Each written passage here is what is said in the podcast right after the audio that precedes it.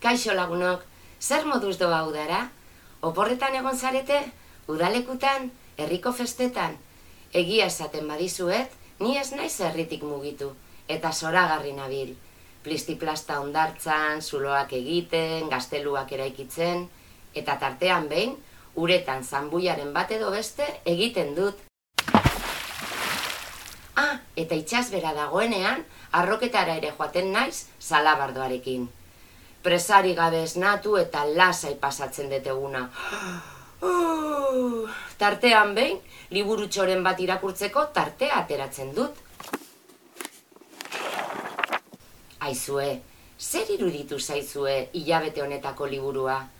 Irakurri baduzue, konturatuko sinaten, presaka ibiltzea, ez dela gauza ona. Ea zer dioen ales txikiak liburuaren inguruan. Eta bide batez, ea zer istorioekin etortzen zaigun oraingoan. Entzun ondo eta sorrostu belarriak, paperezko abentura berri bat, astera doa eta. Hau, lasaitasuna. Egia esan, ni bakarrik nago paperezko itxasontzian eta bainugela guztian iretzat da.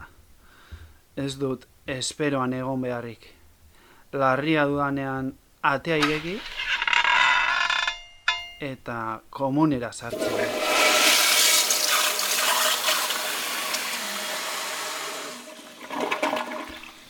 Ez dut burruketan ibili beharri komunean sartzeko. Inoiz, inoiz pentsatu alduzuen nolakoak diren itxasontzi bateko komunak. Nola botatzen da bomba itxasontzi batean? Badakizue? Txikiak edo handiak dira zuen ustez bainugelak itxasontzietan. Barkatu, nork esan dori. Nola egingo dugu kaka zuzenean itxasora.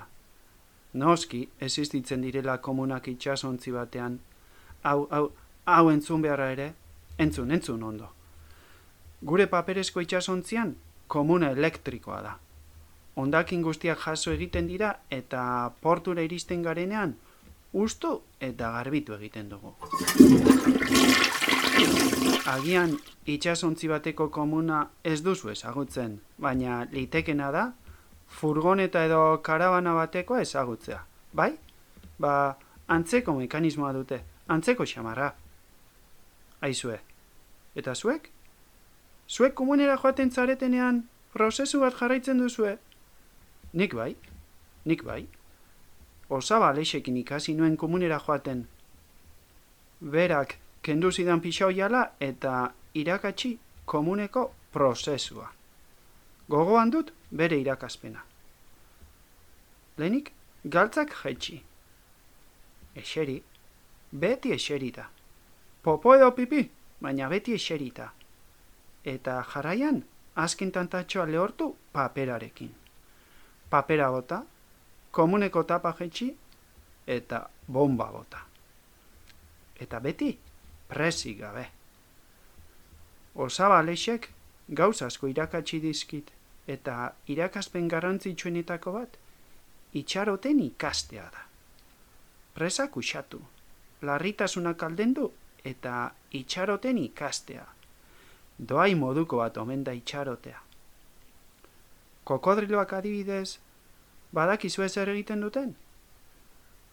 Uretan sartzen dira eta ur jauzi baten ondoan jarri ostean, ahoa irekitzen dute.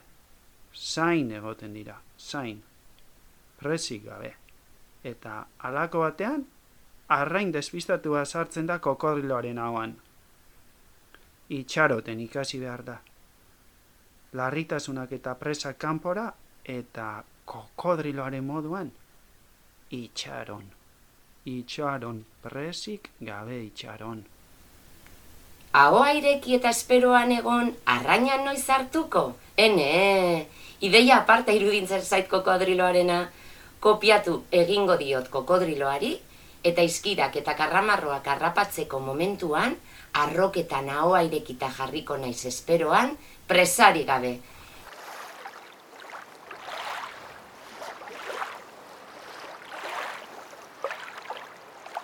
Ea teknika horrek funtzionatzen duen.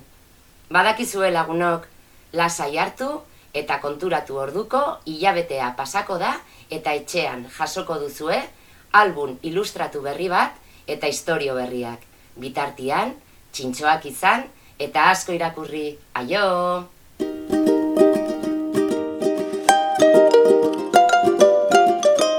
Entzun duzun podcast hau garoa liburu dendak egina da.